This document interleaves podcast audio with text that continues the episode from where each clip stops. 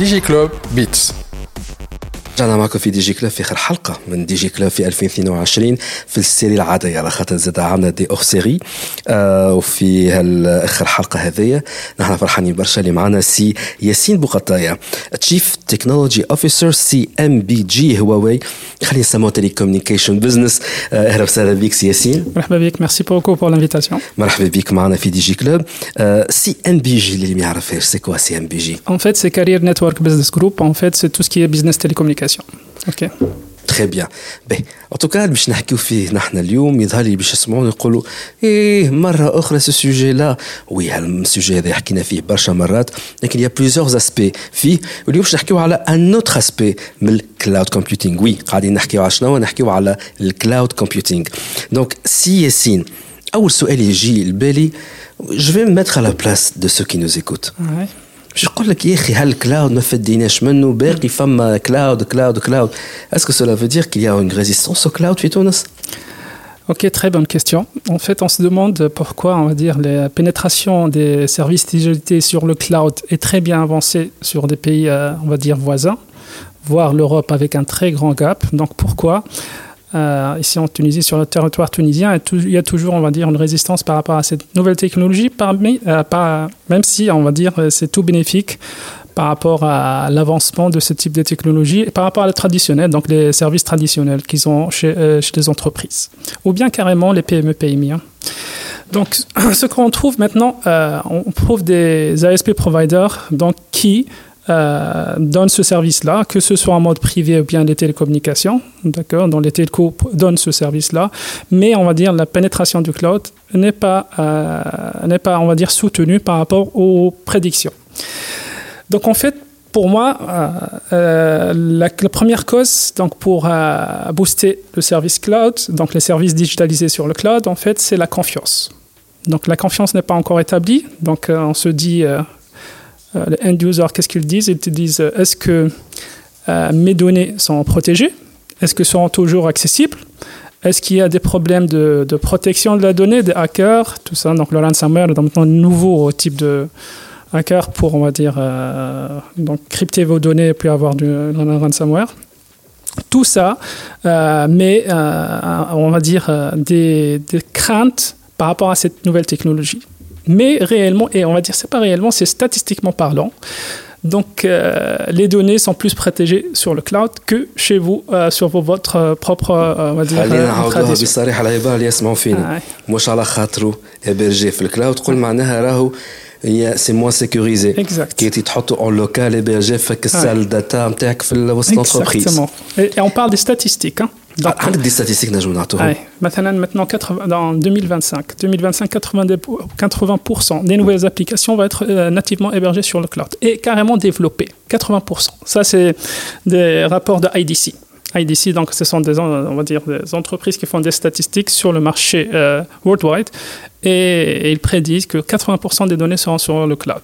Donc, en fait, euh, on peut résister à la traîne technologique, mais bon, je n'ai pas marqué peut-être, donc euh, on a choisi le morceau, je n'aurai comme comment le gap technologique que j'ai vu quand j'étais euh, recruté par Huawei. Donc on, en fait, euh, vous étiez quoi? Oui quand j'étais recruté à ah, Huawei, recruté. En fait, oui, gap oui. technologique par rapport au Chine ou par rapport Chine, exactement. Le Chine au bas, je n'ai qu'un une référence africaine.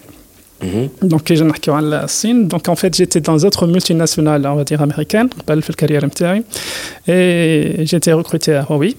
Et ils m'ont invité à, à voir, à visiter HQ, donc le headquarter de Huawei, qui était en Chine. Comme tout bon citoyen employé, j'ai pris l'argent, donc euh, avec euh, la banque centrale et tout ça. Donc j'ai pris le, le liquide, la devise, et on مشيت بيه للصين. Donc هبطت في حطوا في المطار. المطار معناها C'est قبل ça. ما تطلع تصرف C'est ça, الطياره بدات exactement. الفلوس هاي هبطت هبطت من المطار آه، نتاع الصين. Donc euh, j'avais la chance qu'il y avait un taxi qui, euh, qui parlait un peu anglais. D'accord Donc, on a, je lui dis, je, euh, je fais partie euh, du staff Huawei. Ah, il m'a dit très bien, c'est la top 3 compagnie euh, worldwide. Et on, on- on était en train de, de communiquer bon, avec les moyens du bord, donc le- l'anglais n'est pas aussi euh, répandant sur, en Chine. Et une fois, j'ai le paiement. Donc, il m'a donné euh, Chasmo, son téléphone. Et moi, comme un réflexe, donc j'ai pris le téléphone, j'allais prendre- j'ai cru que c'était un cadeau. Il m'a dit non, non, non. تصور انت تاخذ في التليفون مرحبا بك في الصين تشد التليفون حلوه هذه عجبتني Non, c'était un réflexe. On va dire... non, on m'a dit non, ce téléphone-là, c'est pour le paiement. Donc, il a généré un QR code. Et le QR code était pour le paiement. Donc, moi, j'ai pris, bon, je lui ai dit, OK, j'ai pas les moyens de paiement que vous avez aujourd'hui. Je, je lui ai donné de, le liquide. liquide. Eh ben, il ne m'a pas cru. ah bon? Ah oui, il m'a pas cru que j'étais un staff de Huawei. L'image que j'ai établie, comme quoi hein, j'étais à Huawei, je fais parmi de, comment un staff de Huawei worldwide, il n'arrive pas à payer avec son téléphone aujourd'hui. Ça, c'est le premier, on va dire, gap technologique. Et le service digitalisé. Choc technologique. Ça, ça c'est le premier. En fait, j'ai trois histoires à raconter. Ouais. Deuxième. Bon, nous, on est très, on va dire, euh, influencé par rapport à tout ce qui est technologie européenne. ok? Donc aujourd'hui, quand on monte en France, par exemple, on y va euh, sur les bouches de métro de, de France, et on va, on va sortir du bouche de métro de France. Qu'est-ce qu'on trouve? On trouve les mendiants. Les mendiants, comment ils euh, mendient? Donc, tu as un chapeau, في باريس هذا Ouais, تلقى قدامه un chapeau شامل تعطيه des coins des, Ouais. des, de la petits monnaie centimes, les Des- de la centimes. monnaie ولا bien Ouais, les, les l'euro. guitaristes et tout ça comme Ouais. ça حسب رايك في في الصين كيفاش يعملوا بالكيو ار كود تقول ليش انا اس دي اف قاعد يطلب في الفلوس بالكيو ار كود Eh ben c'est ce que j'ai vu عندك une pince un QR code qui est imprimé et, et, euh, et, euh, et si tu veux madame, transmettre de l'argent il n'y a que ce moyen là Mhm. il n'y a que ce moyen là D'accord. Ça, c'était c'est le deuxième choc. C'était à Shanghai. Ah, ah Oui, c'était à Shanghai. Eh ben moi, en fait, euh, je suis à caractère, on va dire, provocateur. Shit, le, le, ce mendiant-là, et je voulais lui donner de l'argent pour voir un peu sa réaction. Eh ben j'ai eu un smiley de sa part, et euh, avec l'image que euh, moi, que je voulais aider quelqu'un, et lui m'en a utilisé un service digitalisé, hein, plus avancé que moi, il m'a fait un, smiley comme quoi euh, les sensations que j'ai eues, c'est quoi? En fait, vous connaissez le dessin animé, euh, comment il s'appelle euh? Chasme. L'ère des dinosaures, Chasme. l'ère des dinosaures, Exactement. Donc, Chasme, pierre à feu. Vous connaissez, vous connaissez les, pierre à feu Et ben, c'est l'association que j'ai eue, un mention qui utilise un service digitalisé et moi je voulais aider et je me retrouve avec un, deuxième choc technologique, comme quoi utilise ce service digitalisé et moi, j'arrive pas. Et c'était les débuts de Covid-19. Donc, déjà, le fait que moi, je me rapproche de lui, c'était un geste suspect pour, lui. C'était au début de, la pandémie radicale. Exactement. Donc, c'était les débuts. Je n'en qu'un troisième. Ok, là, il y a un gap technologique, mais il n'y a pas que les Chinois avant Chine. Que fait les touristes maintenant pour le mode de paiement? Donc c'était la question que je me suis posée. Alors Yacine, je me dis je vais dans des méga stores. Il y a pas des c'est pas des malls là-bas. Minimum tu, débutes à 100 stores minimum. Donc c'était des grands malls. Je me suis dit, allez, donc il n'y a pas que les Chinois, il y a les Européens, les Américains, les étrangers qui vont payer. Ils n'ont pas les moyens de paiement, comme, je vous ai dit. Alors, euh, je, me suis euh, euh, rapproché du caissier et j'ai vu qu'ils n'ont pas les TPE. Les TPE, en fait, c'est le terminal de paiement électronique. Et je me suis dit, alors, ok, je vais rester près du caissier pour voir un peu comment ils vont faire payer. Donc, il y avait un, des Am- un Américain, un Européen, qui, est- qui est dans la file d'attente. Il y avait les Chinois. Les Chinois, en fait, tu mets le, le- on va dire, le sac avec le RFID, donc il détecte ce qu'il y a. Il génère un QR code, tu paies, et ça prend pas même euh, 20 secondes. D'accord?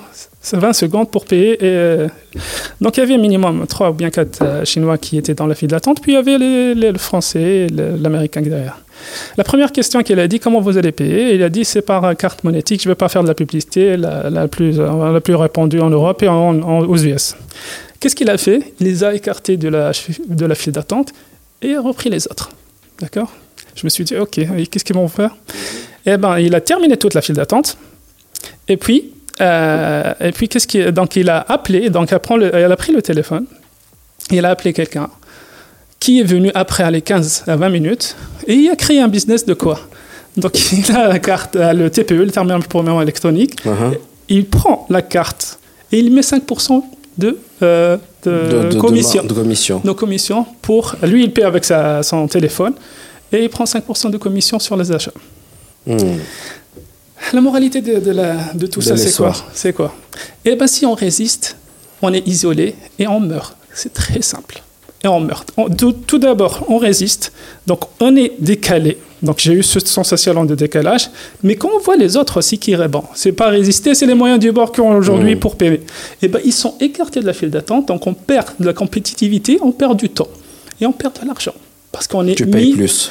On, est, on paye plus, on est décalé, on est mis sur la, fin de la file d'attente, donc par rapport aux transactions, et on perd aussi de l'argent. Ça, c'est une image. Donc, ce que je veux véhiculer, c'est une image aujourd'hui que j'ai vécue personnellement. Et en fait, bon, cette histoire, je la raconte toujours par rapport à des questions. Je me dis, ils m'ont me disent dans des événements, euh, comment on fait par rapport aux résistances de changement? Eh bien, ce mendiant, qui connaît la technologie qui est derrière pour ce QR code, de quel type de technologie, le cloud, non, il ne connaît pas. Il utilise un service qui est digitalisé. Euh, qui lui permet de l'avoir de l'argent, tout simplement. Exactement. Et bon, il y a d'autres questions qui sont posées, type, OK, il y a aussi la transition en elle-même, très importante. Donc, on a les, euh, les, approches traditionnelles, et il y a aussi les nouveaux services digitalisés. Comment on fait? Eh bien, je vais prendre aussi ce mendiant-là. Ce mendiant-là, il, a, il a passé par une phase qui s'appelle phase de transition. Il y avait, dans, dès le départ, le chapeau, où il y avait les coins, mais aussi il y avait la nouvelle technologie émergente euh, avec le euh, scan du QR code. Eh bien, normalement, ce mendiant-là, aurait les deux technologies en même temps dans une période euh, moyenne, on va dire, de façon, il ne doit pas perdre l'ancien business. Donc, il y aura toujours des gens qui paient euh, via la monnaie. Il y a aussi les nouveaux qui paient avec le QR Donc, en fait, un service, leur moralité, encore une fois, c'est quoi? Le service digitalisé en lui-même ne doit pas être perturbateur lors de son lancement. Donc, il faut une coexistence. En fait, dans la technologie, le jargon, on va dire, euh, technologique, ça s'appelle une architecture bimodèle. حبيت نفسر لكم l'instinct humain on, on, on puise on puise on va dire euh, nos euh, visions par rapport à l'instinct humain est-ce que هو قاري pour faire ça non c'est l'instinct humain qui lui a dit euh, pour ne pas on va dire perdre l'ancien business et le nouveau on doit avoir ce deux, deux types de technologies coexistants et puis euh, ça sera une migration ou bien un workload smooth. les gens n'auront plus de coins et tout, on va dire, le, le business va passer vers le QR code. Donc, qu'est-ce qu'il va faire Il va lâcher le, le, euh, on va dire, le chapeau et toute la transition va être sur le QR code. فهمتني فهمتك كيفاش وصلنا facile à une situation pareille pareil eh ben il n'a pas le choix donc en fait ce que je voulais vous dire que si le top, le top le boarding committee, donc le top euh, management, est partisan de cette nouvelle transition technologique qui simplifie euh, les services, eh ben, les, départements de l'entreprise n'auront pas le moyen de résister, sinon ils vont être isolés. Ils, vont, isolés. ils peuvent résister, bien sûr. La résistance euh, peut parvenir par beaucoup de choses. Et déjà, par l'âge. Aujourd'hui, on a une montre normale, d'accord? Je t'attends, t'attends juste le Et je résiste par rapport à la nouvelle technologie de montres où on a les montres connectées. Allège pour ne pas être connecté tout le temps avec les jeunes. Ça, c'est une, euh, euh, une façon de penser.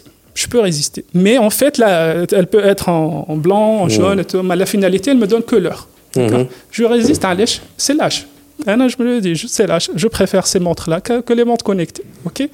Mais ça arrivera un jour où je devrais adopter les nouvelles technologies et être dans le bas. D'accord? Donc l'âge aussi est très important. Il y a l'âge, les connaissances, la maîtrise de l'ancienne technologie. D'accord? Donc les, technologies traditionnelles, ça résiste. Je dis, euh, moi je maîtrise euh, l'ancienne. Je dois, je suis par exemple en fin de carrière et là je dois avoir par exemple euh, des compétences par rapport à la nouvelle technologie, même si c'est plus ça simplifie.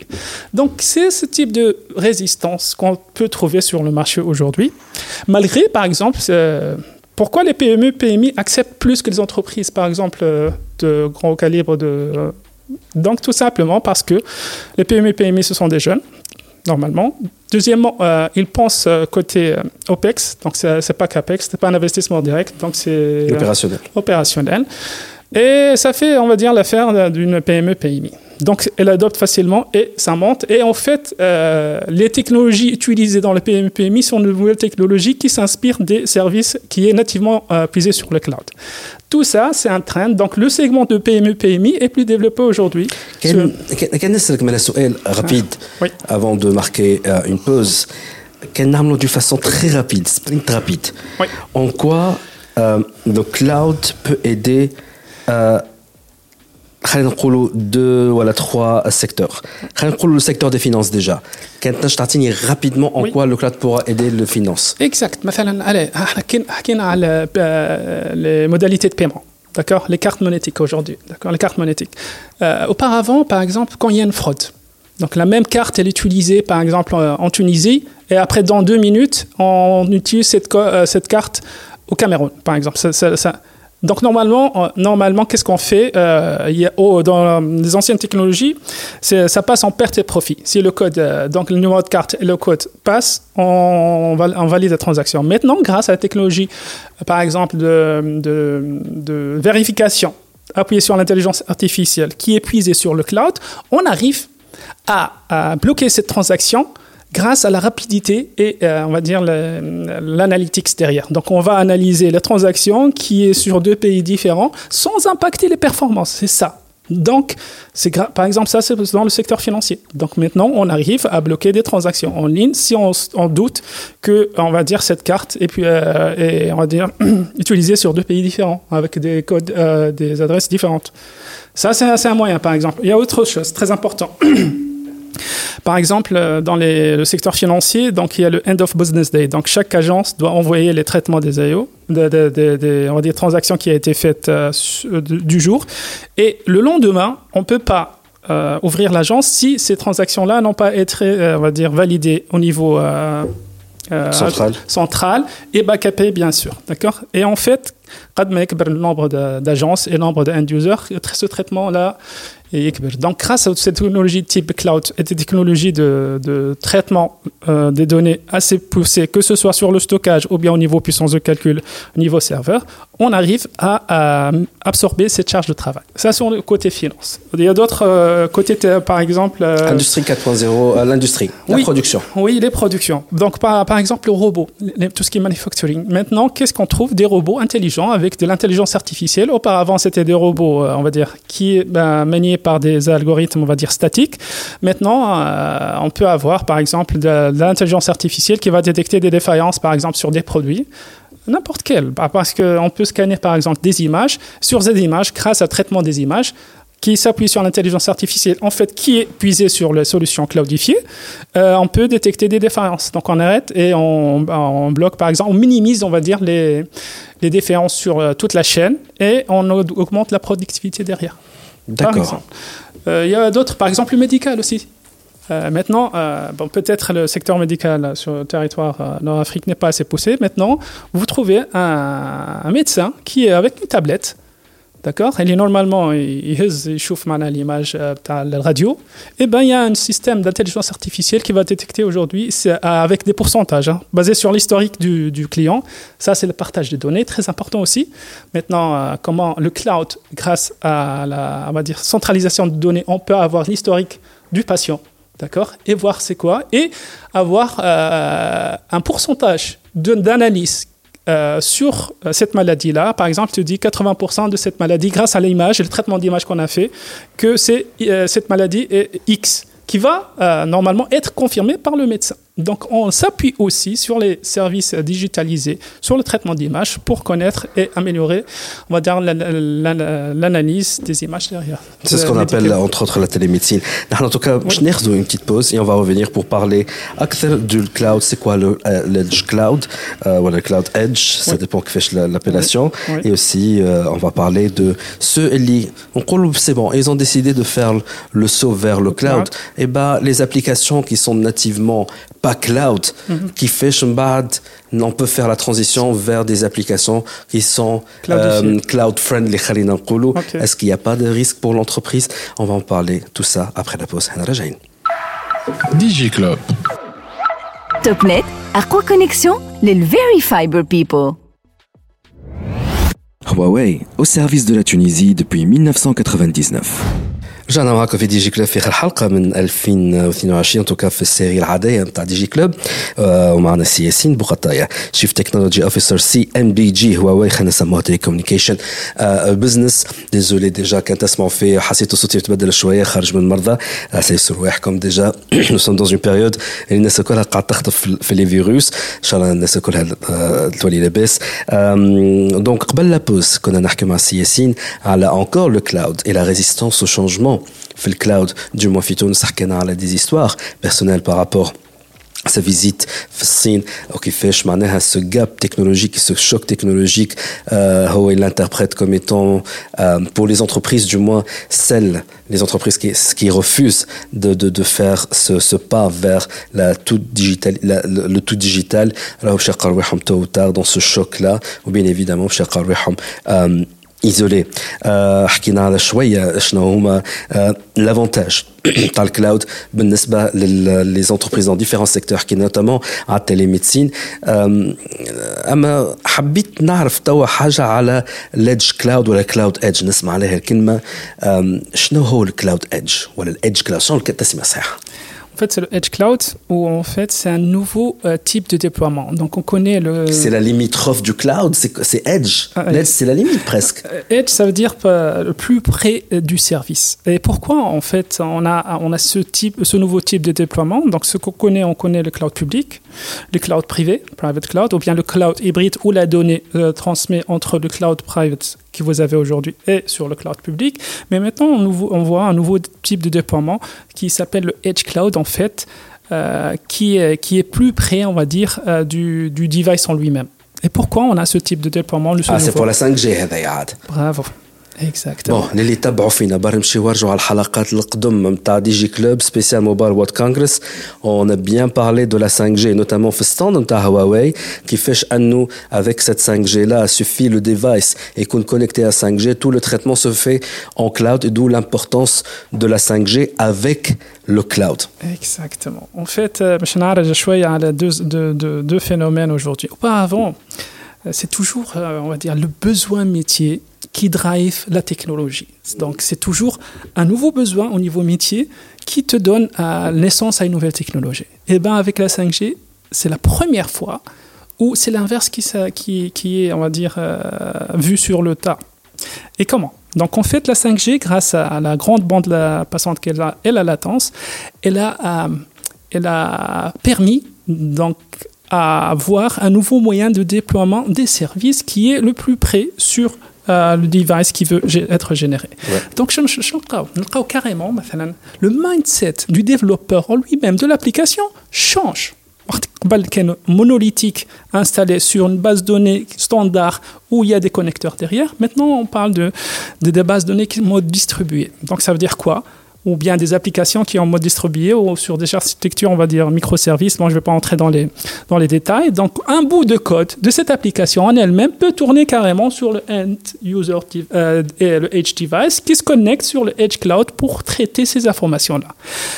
Et ben, comment la 5G, en fait, a contribué à ce point-là? En fait, c'est la latence en elle-même et la, la, bande passante. Il n'y a pas que la 5G en elle-même. Hein. Le nouveau type de processeur, en fait, peut-être vous connaissez les technologies euh, type... Euh, donc euh, standard des PC, je ne veux pas nommer euh, process, bon, des technologies Intel, on va dire. Il y a un nouvel type. Donc en fait, sur ce device-là, ce n'est pas des technologies Intel qui a à l'intérieur, c'est un nouveau type de processeur. D'accord Très puissant. Euh, aussi, il y a aussi l'intelligence artificielle. Donc, la technologie, bon, processeur, c'est ARM. Et les technologies de l'intelligence artificielle. Et si on combine et les nouveaux types de processeurs, que ce soit des, technologies ARM avec l'intelligence artificielle. En fait, c'est pas que du code, mais aussi un device en lui-même. Donc, c'est un chipset qui s'appelle, qui se puise des puissances de neurones. Ça, on va dire, on va essayer d'émuler la façon comment pensent, on va dire, les, êtres humains à base de neurones. Et on va, on pardon, on va euh, euh, essayer d'avoir des algorithmes qui se tunent au fil, au fil et à mesure de, de l'application en elle-même. Donc, on aura plus de, on va dire, d'efficience de l'application sur ce device-là. Et on combine aussi euh, la, bande passante et la latence de la 5G. Grâce à ces trois moyens-là, on arrive à avoir, on va dire, des, euh, des edge devices qui sont autonomes. bon, allez, je vais essayer de concrétiser ce que j'ai dit sur des, des, solutions industrielles. Par exemple, la, voiture autonome. La voiture autonome, maintenant, a un, on va dire un, euh, quelqu'un qui va qui va crosser la route et donc elle va résister donc elle va prendre une, une action. Une action euh, instantanée qui a été puisée par quoi en fait? Par euh, une décision qui s'appuie sur ce type de technologie là D'accord euh, comment, comment prévoir, on va dire, des réactions Comment, comment avoir une conduite, euh, bon, on va, va pas dire 100% autonome, mais le maximum autonome Comment euh, détecter des incidents en mode proactif Tout ça s'appuie sur ce type de technologie. On a carrément un petit data center à l'intérieur de la, de la, de la voiture. Ça, c'était juste un déploiement de ce type de technologie-là, très avancé. On voit maintenant des, carrément des voitures autonomes à 100% par exemple aux US. هو حديث يجيب حديث. لكن حليته الباب حليته. إن شاء الله خير. دون سو كالا قلت أنا قبل لا بوز سألت على حكاية لي زابليكاسيون وي خاطر دون سو كالا كان نحن يولي عندنا ان ميني داتا سنتر Et donc là, on comprend, allez, ça me fait edge, cloud, cloud edge. Cloud edge. خاطر سي على ليميت نتاع بحذاك تلقاه الكلاود يبدأ ديجا. اكزاكت. ملي كان على قداش من سيرفر وقداش من كونيكسيون باش تخلط الداتا سنتر. اكزاكت. Dans ce cas-là, la majorité des applications يخدموا avec le système تاع monolithique هو يكونكتي على الداتا سنتر على الابليكاسيون اللي في الداتا سنتر اي سيت فوسي لا داتا بحذاه قبل ما يخرج على الكونيكسيون انترناسيونال ولا حتى ناسيونال الداتا سنتر والكلاود بحذاه exact ça risque pas de, de créer des, des, des, des conflits des gaps en fait un gap comment maintenant on, est, on était en train de développer des applications en mode traditionnel on se retrouve avec des applications en mode distribué et comment faire derrière et ben, je n'ai le chassement, le mendiant. Le mendiant aussi utilisé des technologies assez euh, le chapeau en lui-même, donc traditionnel. Et puis il a adopté les, pièces. Exactement. Et puis il a adopté la nouvelle technologie. Est-ce que la nouvelle technologie a été disruptive? Non. Donc elle doit être en mode indisruptive. Ça veut dire les deux coexistent. Coexistent. D'accord? Donc l'un des points pour adopter le cloud, le client en fait, c'est la portabilité de l'application en elle-même on the cloud. Ça, c'est la première phase. Donc, assurer, on va dire, la continuité de service de l'application. Maintenant, est en mode barre métal sur le serveur. Maintenant, on va le mettre sur le cloud. On ne change pas le code, on le met comme il est, en mode virtualisé. C'est la première approche. Donc, l'application sur le cloud. C'est on the cloud. Ça, c'est la première phase. On ne touche pas au code de l'application, mais juste la portabilité de l'application sur le cloud. Ça, c'est la première phase. Est-ce que ça nécessite un double développement? Non. Pour ça, il faut avoir juste l'interopérabilité, la compatibilité de toutes les ressources. Euh, directement sur le, un, serveur physique, sur un, hyper, un hyperviseur. un développeur de software. Oui.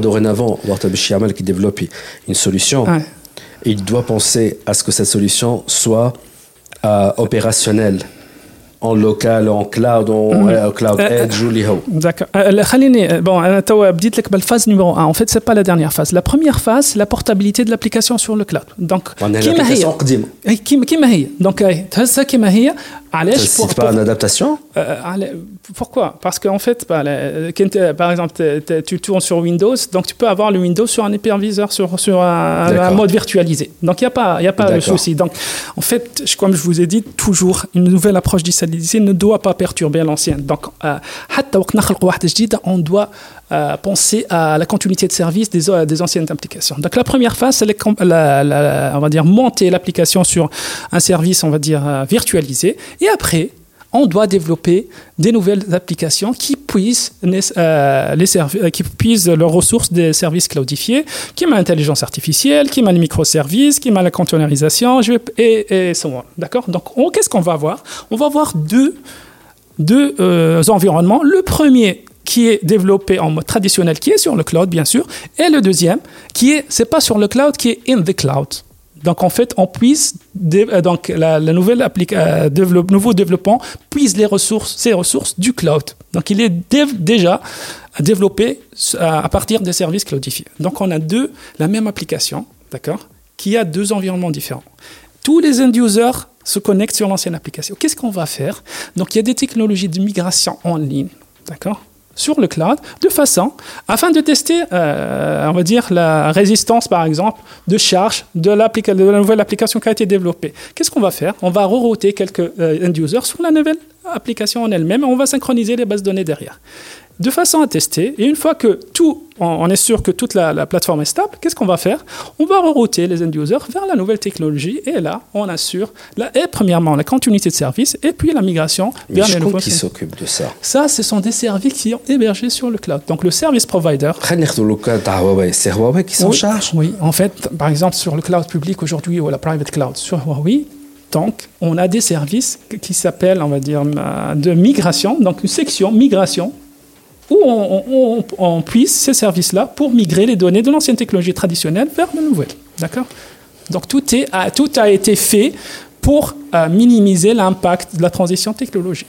Ce qui veut dire qu'il y a un département R&D recherche et développement qui fait Huawei, rien que dédié euh, juste à cette transition vers le cloud. Exactement. En fait, il y a des experts. Donc il y a les outils en fait, il y a les outils. Il y a aussi les, experts qui nous accompagnent à nos clients pour développer. Donc, il y a des plateformes de développement, bien sûr, et il y a des experts de migration. Donc, il y a le service en lui-même, l'outil, mais aussi des expertises pour migrer vos données et accompagner le client à une migration souple vers les solutions à 100% euh, à service digitalisé.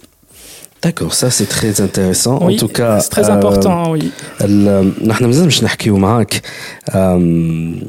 أكثر على حكاية الكلاود والديجيتاليزاسيون et d'ailleurs c'est une des questions اللي جاتني qu'est-ce qui fait que le cloud de Huawei il est meilleur que les autres plateformes cloud الموجودين في العالم كله هذا كله باش نحكيو فيه بعد البوز احنا راجعين ديجي كلوب توب نت اقوى كونيكسيون للفيري فايبر بيبل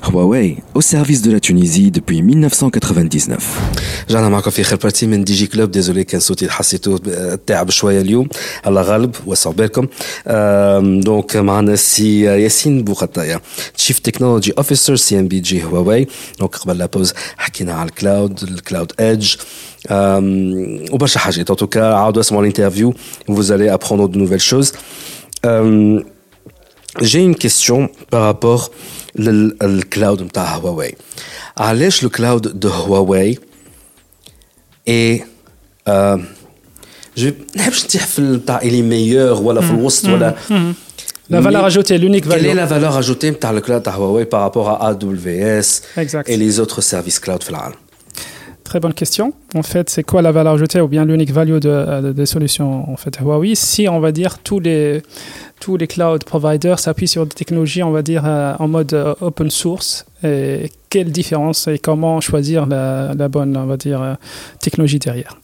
En fait, euh, ok, donc euh, Huawei, c'est l'un des unique IT providers qui maîtrise toute la chaîne, y compris, euh, on va dire, bon, aujourd'hui, on le cloud, mais en fait, il y a beaucoup de couches derrière, qui est déjà le data center facilities en lui-même, donc le, socle du data center. Les, les, ça, c'est layer 1. Layer 2, c'est tout ce qui est compute, stockage et network. En fait, ce sont des solutions Huawei. les donc, le layer 2, donc le layer 3, maintenant, on parle des solutions cloud. Et il y a d'autres layers comme par exemple euh, les solutions euh, Software as Services, donc les SaaS, où on arrive à des solutions métiers en elles-mêmes. Ça veut dire quoi? En fait, par exemple, Huawei euh, a des solutions du type Smart Transportation. Smart Airport, Smart, comment, comment sécuriser, on va dire, les frontières d'un pays.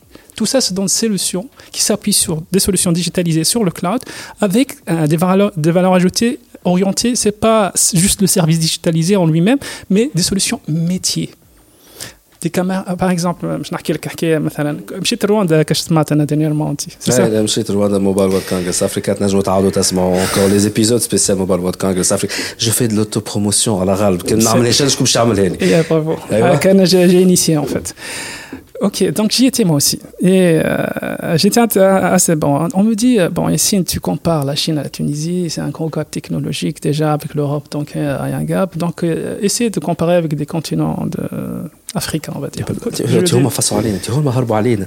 نحن ولينا أكثر من الكاتريام موند، ما عادش حتى تير موند نحن. Eh ben, انت تقول هكا تعرف علاش ولا خاطر تخرج وتشوف. Donc il y a aussi العباد اللي هنا bon, on, se, on se dit euh, on est toujours à la Tunisie fier de à l'Afrique, on va dire, soi-disant subsaharienne. exactement, et voir l'avancement technologique qui a été adopté. Bon, bon Rwanda, c'est juste un case. Hein. Rwanda, bon, j'y étais. Alors, au à 1h du matin, j'étais à l'hôtel, quand j'ai le restaurant. Donc, euh, j'ai crossé la, la, la, route. La. C'était 1h du matin. Hein. Donc, j'ai le dîner ou un araja. Un c'était euh, vite, il n'y avait personne. Euh, il y avait, quelqu'un qui. Euh, donc, c'était un rond-point. 1h du matin, et il n'y avait aucune voiture. Donc c'était euh, le, le feu du piéton était rouge, il attendait. Il attendait jusqu'à Etevière, et, et puis euh, Il a, a, il, a- il- il a- il a coupé. ouais. il a coupé la route. Et pour moi, c'était très bizarre. Donc, une heure du matin, avait aucune route, il attendait, je lui ai dit, ah, bon, je l'ai attendu. Je lui ai dit, allez, je vais voir. Euh, je lui ai dit, je posais la question, pourquoi vous avez attendu une heure du matin pour euh, crosser la, la route? Il m'a dit, vous voyez la caméra en dessous? En dessus, pardon. Ah oui.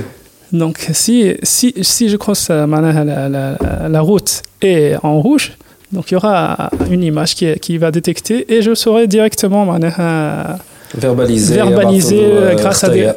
يبعثوا له حتى شيء ي- ي- يعلموه مش يبعثوا له خطية يعلموه qui a été verbalisé et va être directement retiré de son de son compte euh, directement eh ben, je me suis dit, regardez comment la technologie peut changer. Pourtant, le Rwanda, bah, euh, c'était harb. Il y a 15 ans, ils sont meilleurs que nous, subhanallah. Dans la direction. Et le, le top decision maker, il pousse pour un, un gouvernement qui est digitalisé, presque à 100%. Hein. Et vous savez quoi? Moi, j'ai C'était, c'était, euh, quand je dis comment, c'est qu'il veut l'artir, j'ai dit non. Il dit qu'un SMS, tu sur un portail de service. Donc, en fait, tu t'amènes, comment ça s'appelle Des. Déclarations Non, des actions sociales. Ah, tu as le choix. Tu ah. payes, voilà,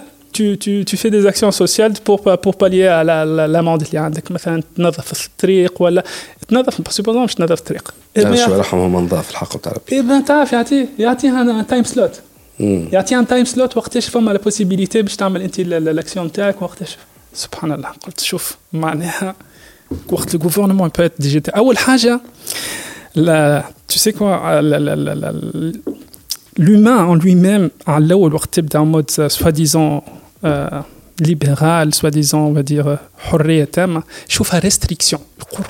Compte libre, maintenant, je, suis en mode restrictif. La génération Linjimbat, je trouve les parents en mode euh, strict. D'autres le font, les jeunes. Donc, génération Linjimbat, c'est normal, qu'on croise pas la route quand c'était euh, Mm. quand c'est en mode rouge Mm. d'accord c'est c'est ça la Ça devient transition le réflexe. ça ça devient un réflexe هذه شفتها انا et ben تعرف قلت له moi comme je vous, je vous ai dit je suis toujours en mode provocateur أنا. آه. قلت له اوكي انا je suis je suis pas affiché عندكم donc je peux euh, donc il y a- même si tu prends une باش photo تقص ثنيه ونورمال وأحمر قال لي تمشي للبوليس دو فرونتيير وقت دخلت انت ياخذوا لك تصويره يا معلم وقت وقت تخرج يبون تشيكي سي دونك يشوفوا التصويره سي فو سيت با ليستي يمشي لباز دوني دي بوليس دي فرونتيير انت خارج يقول لك يا معلم عندك اون امونت تي اوبليجي دو لا باي افون دو سورتير دو تيريتوار رواندي. علاش على خاطر لي باز دوني سون كونيكتي على خاطر عاملين ان بلات une plateforme digitalisée où toutes les informations sont centralisées c'est comme ça qu'on arrive à avoir des services euh, très proches du citoyen انا نشوفها ايه ben انا اللي كنت باش نشق الكيس رجعت et je me suis repris مم. شفت كيف donc le- le- l'humain l'humain comment on va dire s'adapte s'adapte me sauf يجيبوا سي Et ساعتها pour linker par rapport à ma question Ouais. شنو اللي يخلي لافونتاج به، خاطر سب- الشكاك اللي خ- تبع خ- ما أي، يديهاش. سامحني خرجت على- خرجت على السؤال نتاعك en fait Huawei euh, c'est pas que en fait on dépasse les services digitalisés mais on arrive à des services qui sont orientés métier carrément نعطيك une, une solution par exemple, qui m'a marqué le cas la sécurité des frontières, par exemple. Détection de, par exemple, euh, sécurité routière. Détection des, des, comportements anormaux, des caméras intelligentes. Huawei. En fait, tout le stack, le full stack, depuis le data center jusqu'à le edge, comme quoi la caméra intelligente, ce sont des solutions end-to-end Huawei. Et ça, c'est la force de Huawei où, euh, of course, on a, on a la solution cloudifiée qui est fait partie de toute la chaîne de la donnée, mais on y va plus que ça. D'accord. C'est ça l'avantage. Donc on a des solutions qui sont déjà déployées sur d'autres euh, continents et avec des références sur les différents secteurs industriels, que ce soit gouvernemental, que ce soit sécuritaire, que ce soit aéroport, que ce soit n'importe quel type de métier, eh ben, ce type de service peut être déployé chez vous. Pourquoi? Parce qu'en fait, le cloud qui va être déployé sur le continent africain, c'est un mini-scale. En fait, c'est une un petit format du euh, cloud public qu'on a sur Huawei. Et on est sûr à 100% que ce service va tourner euh, conformément à, à, ce qui a été déployé sur le cloud public parce que c'est la même architecture qui est déployée derrière. Et en fait, euh, on parle aussi des données souveraines. Très bon, je veux pas. Eh ben, grâce, il suffit de taguer que la donnée doit être souveraine sur le continent, doit être sur le continent. Et là, on a une mobilité de données selon le tag que vous avez fait. Donc, les données qui doivent être sur le continent restent sur le continent, et les données qui peuvent être au sein du même pays. Bien sûr. Pour la souveraineté du pays. Oui. Bon, ça, tout dépend des lois, euh, des lois. Donc, en fait, euh, il y a la souveraineté du pays qui accepte d'être dans sur sur le continent. Il y a d'autres qui n'acceptent que que ce soit sur le cloud public. Donc en fait, la technologie en elle-même doit s'adapter aux régulations qui doivent être sur le pays. Et c'est pour ça maintenant qu'on voit des différents types de déploiement, donc public, euh, private et aussi sur le edge pour satisfaire la transaction en mode euh, instantané. Très bien. C'est Yassine Boukhataya, Chief Technology Officer chez Huawei. Merci beaucoup pour cette interview. Au moins, les choses sont beaucoup plus claires. Euh, on va dire, إن شاء الله كل عام وانت حي بخير. إن شاء الله تونس بخير. نحن ملتقانا إن شاء الله ديما يقولوها العام الجاي. هو نقصدوا معناها على الحلقة الجاية إن شاء الله في جانفي 2023 الحلقة جديده من دي جي كلوب لا سيري كلاسيك تاع دي جي كلوب مش اور سيري باسمي وباسم ليكيب كاملة. جو فودري ريميرسي tous ceux qui sont en train de nous suivre sur THD.tn. Je voudrais aussi remercier la fidélité de tous nos auditeurs. Euh, la prochaine fois. Bye bye. DJ Club Beats.